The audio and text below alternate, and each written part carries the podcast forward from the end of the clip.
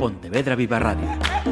Cara a cara. Damas y caballeros, la Asociación de Directores de Informativos de Radio y Televisión da la bienvenida a Lara Monterde. Es fácil referirse a una comparativa para introducir este capítulo del podcast cara a cara. David se, se enfrenta a Goliath y vamos a cambiar los nombres, Animosa e Instagram. Obviamos a explicar qué es Instagram, pero sí nos vamos a detener primero en saber qué es Animosa y se lo vamos a preguntar a Lara Monterde, que es eh, Community Manager de Animosa. Lara, ¿qué tal? ¿Cómo estamos?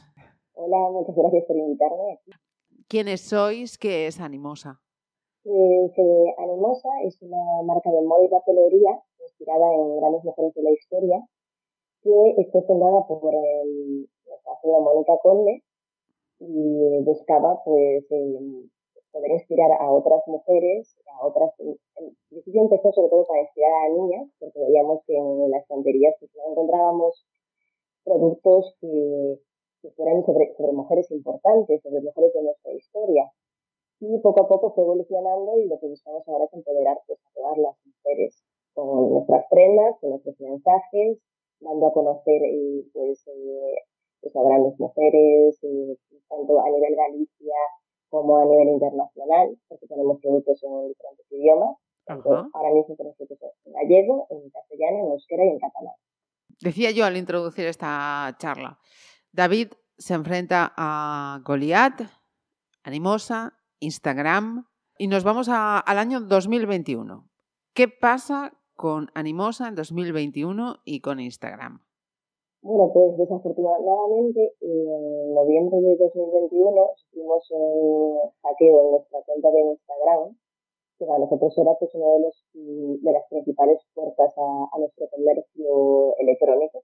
Y eh, pues pasamos por un caso bastante perjudicial a nosotras, porque se nos hackean la cuenta, entonces pues nos pusimos bastante nerviosas y empezamos a buscar soluciones. Contactamos con Instagram de todas las formas posibles que, pudimos, no teníamos respuesta, eh, todo eso lo puse a poner de denuncia en la policía y, todos los procedimientos como, como estipulados.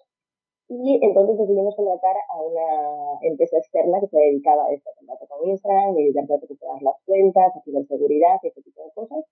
Y tras igual un mes de contactos directos con el soporte técnico de, de lo que sería Meta, que, es el, que era Facebook, lo que, lo que antes gestionaba también Instagram, pues conseguimos que, eh, que nos respondiesen, pero era todo correos sin sentido, de personas que no estaban analizando nuestro caso, algunos correos automáticos, y como después de un mes, un mes y medio de, de contacto, pues nos dicen que, ya ha pasado mucho tiempo y que no se va a solucionar el caso y, que iban a cerrar el proceso y que perdíamos la cuenta totalmente, que ellos no podían hacer nada en ese sentido. Mira, te voy a hacer algunas cuestiones al respecto. Cuando dices eh, hackeo, vosotros no eh, vosotras, perdón, no podíais em, acceder a la cuenta. ¿Alguien había metido fotos, eh, comentarios que no eran vuestros? No, no, no, tocaron para nada el contenido, pero la persona que nos hackeó la cuenta, mm, a, todo a, a través de un email fraudulento, que parecía que venía de Instagram totalmente y de cosa de infracción de copyright o así, que nosotros pinchamos ahí y entonces nos robaron toda la, toda la información de la cuenta y accedieron a ella y cambiaron eh, la foto de perfil, cambiaron el nombre del usuario, pues, por eso después fue tan complicado el proceso de intentar recuperarlo porque el nombre lo habían cambiado, el, el URL de cómo llegabas al perfil y todo y el contenido no lo tocaron porque lo que les interesaba era pedirnos un rescate de esa eh, ahí va la siguiente mm, pregunta. Si había eh, una petición de contraprestación económica a cambio.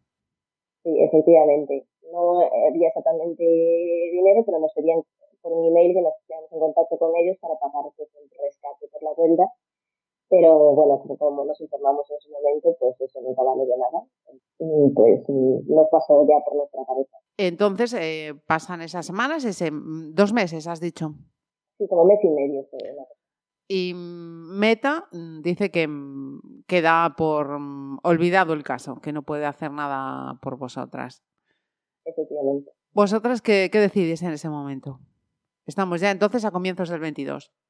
Pues lo primero, decidimos que no podíamos estar en redes sociales, así que decidimos abrir una nueva cuenta. Eh, tuvimos que renunciar pues, a esa audiencia de más de 20.000 seguidoras que teníamos, eh, que había costado pues, dos años eh, conseguirlo. Y decidimos empezar eh, a principios del 2022 pues, una nueva cuenta, intentar pues, ir ganando lo, lo que podíamos ahí pues, para poder seguir con nuestro negocio a nivel online.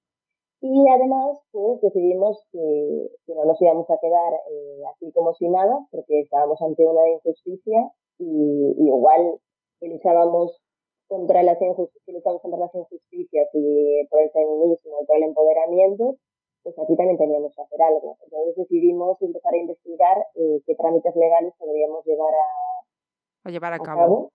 Exactamente. Entonces contratamos con, contratamos con una una abogada, que es Andrea Mendiola, que estamos muy contentos con ella, es una abogada que tiene bastante presencia digital y que va casi así muy relacionado también con, con redes y lo que nos pareció muy interesante, le pusimos nuestro caso y aceptó totalmente.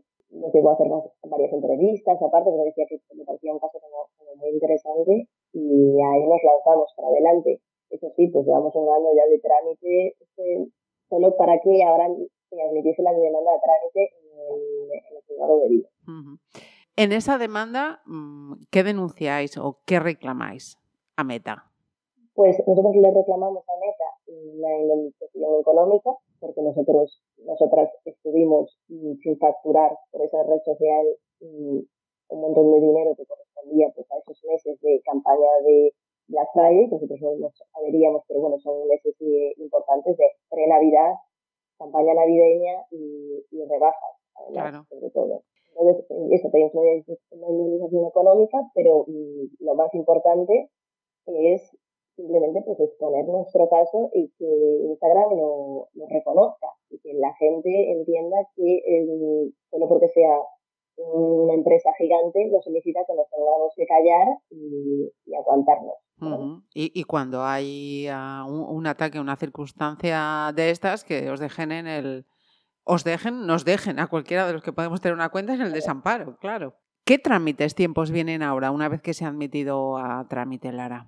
Bueno, pues ahora eh, se transmitió a lo que es el grupo Meta, eh, es, es la demanda, y tienen 20 días para responder de alguna forma a esta demanda. Ya mm. puede ser que se llegar a un acuerdo o no y seguir, a, y seguir con el proceso legal.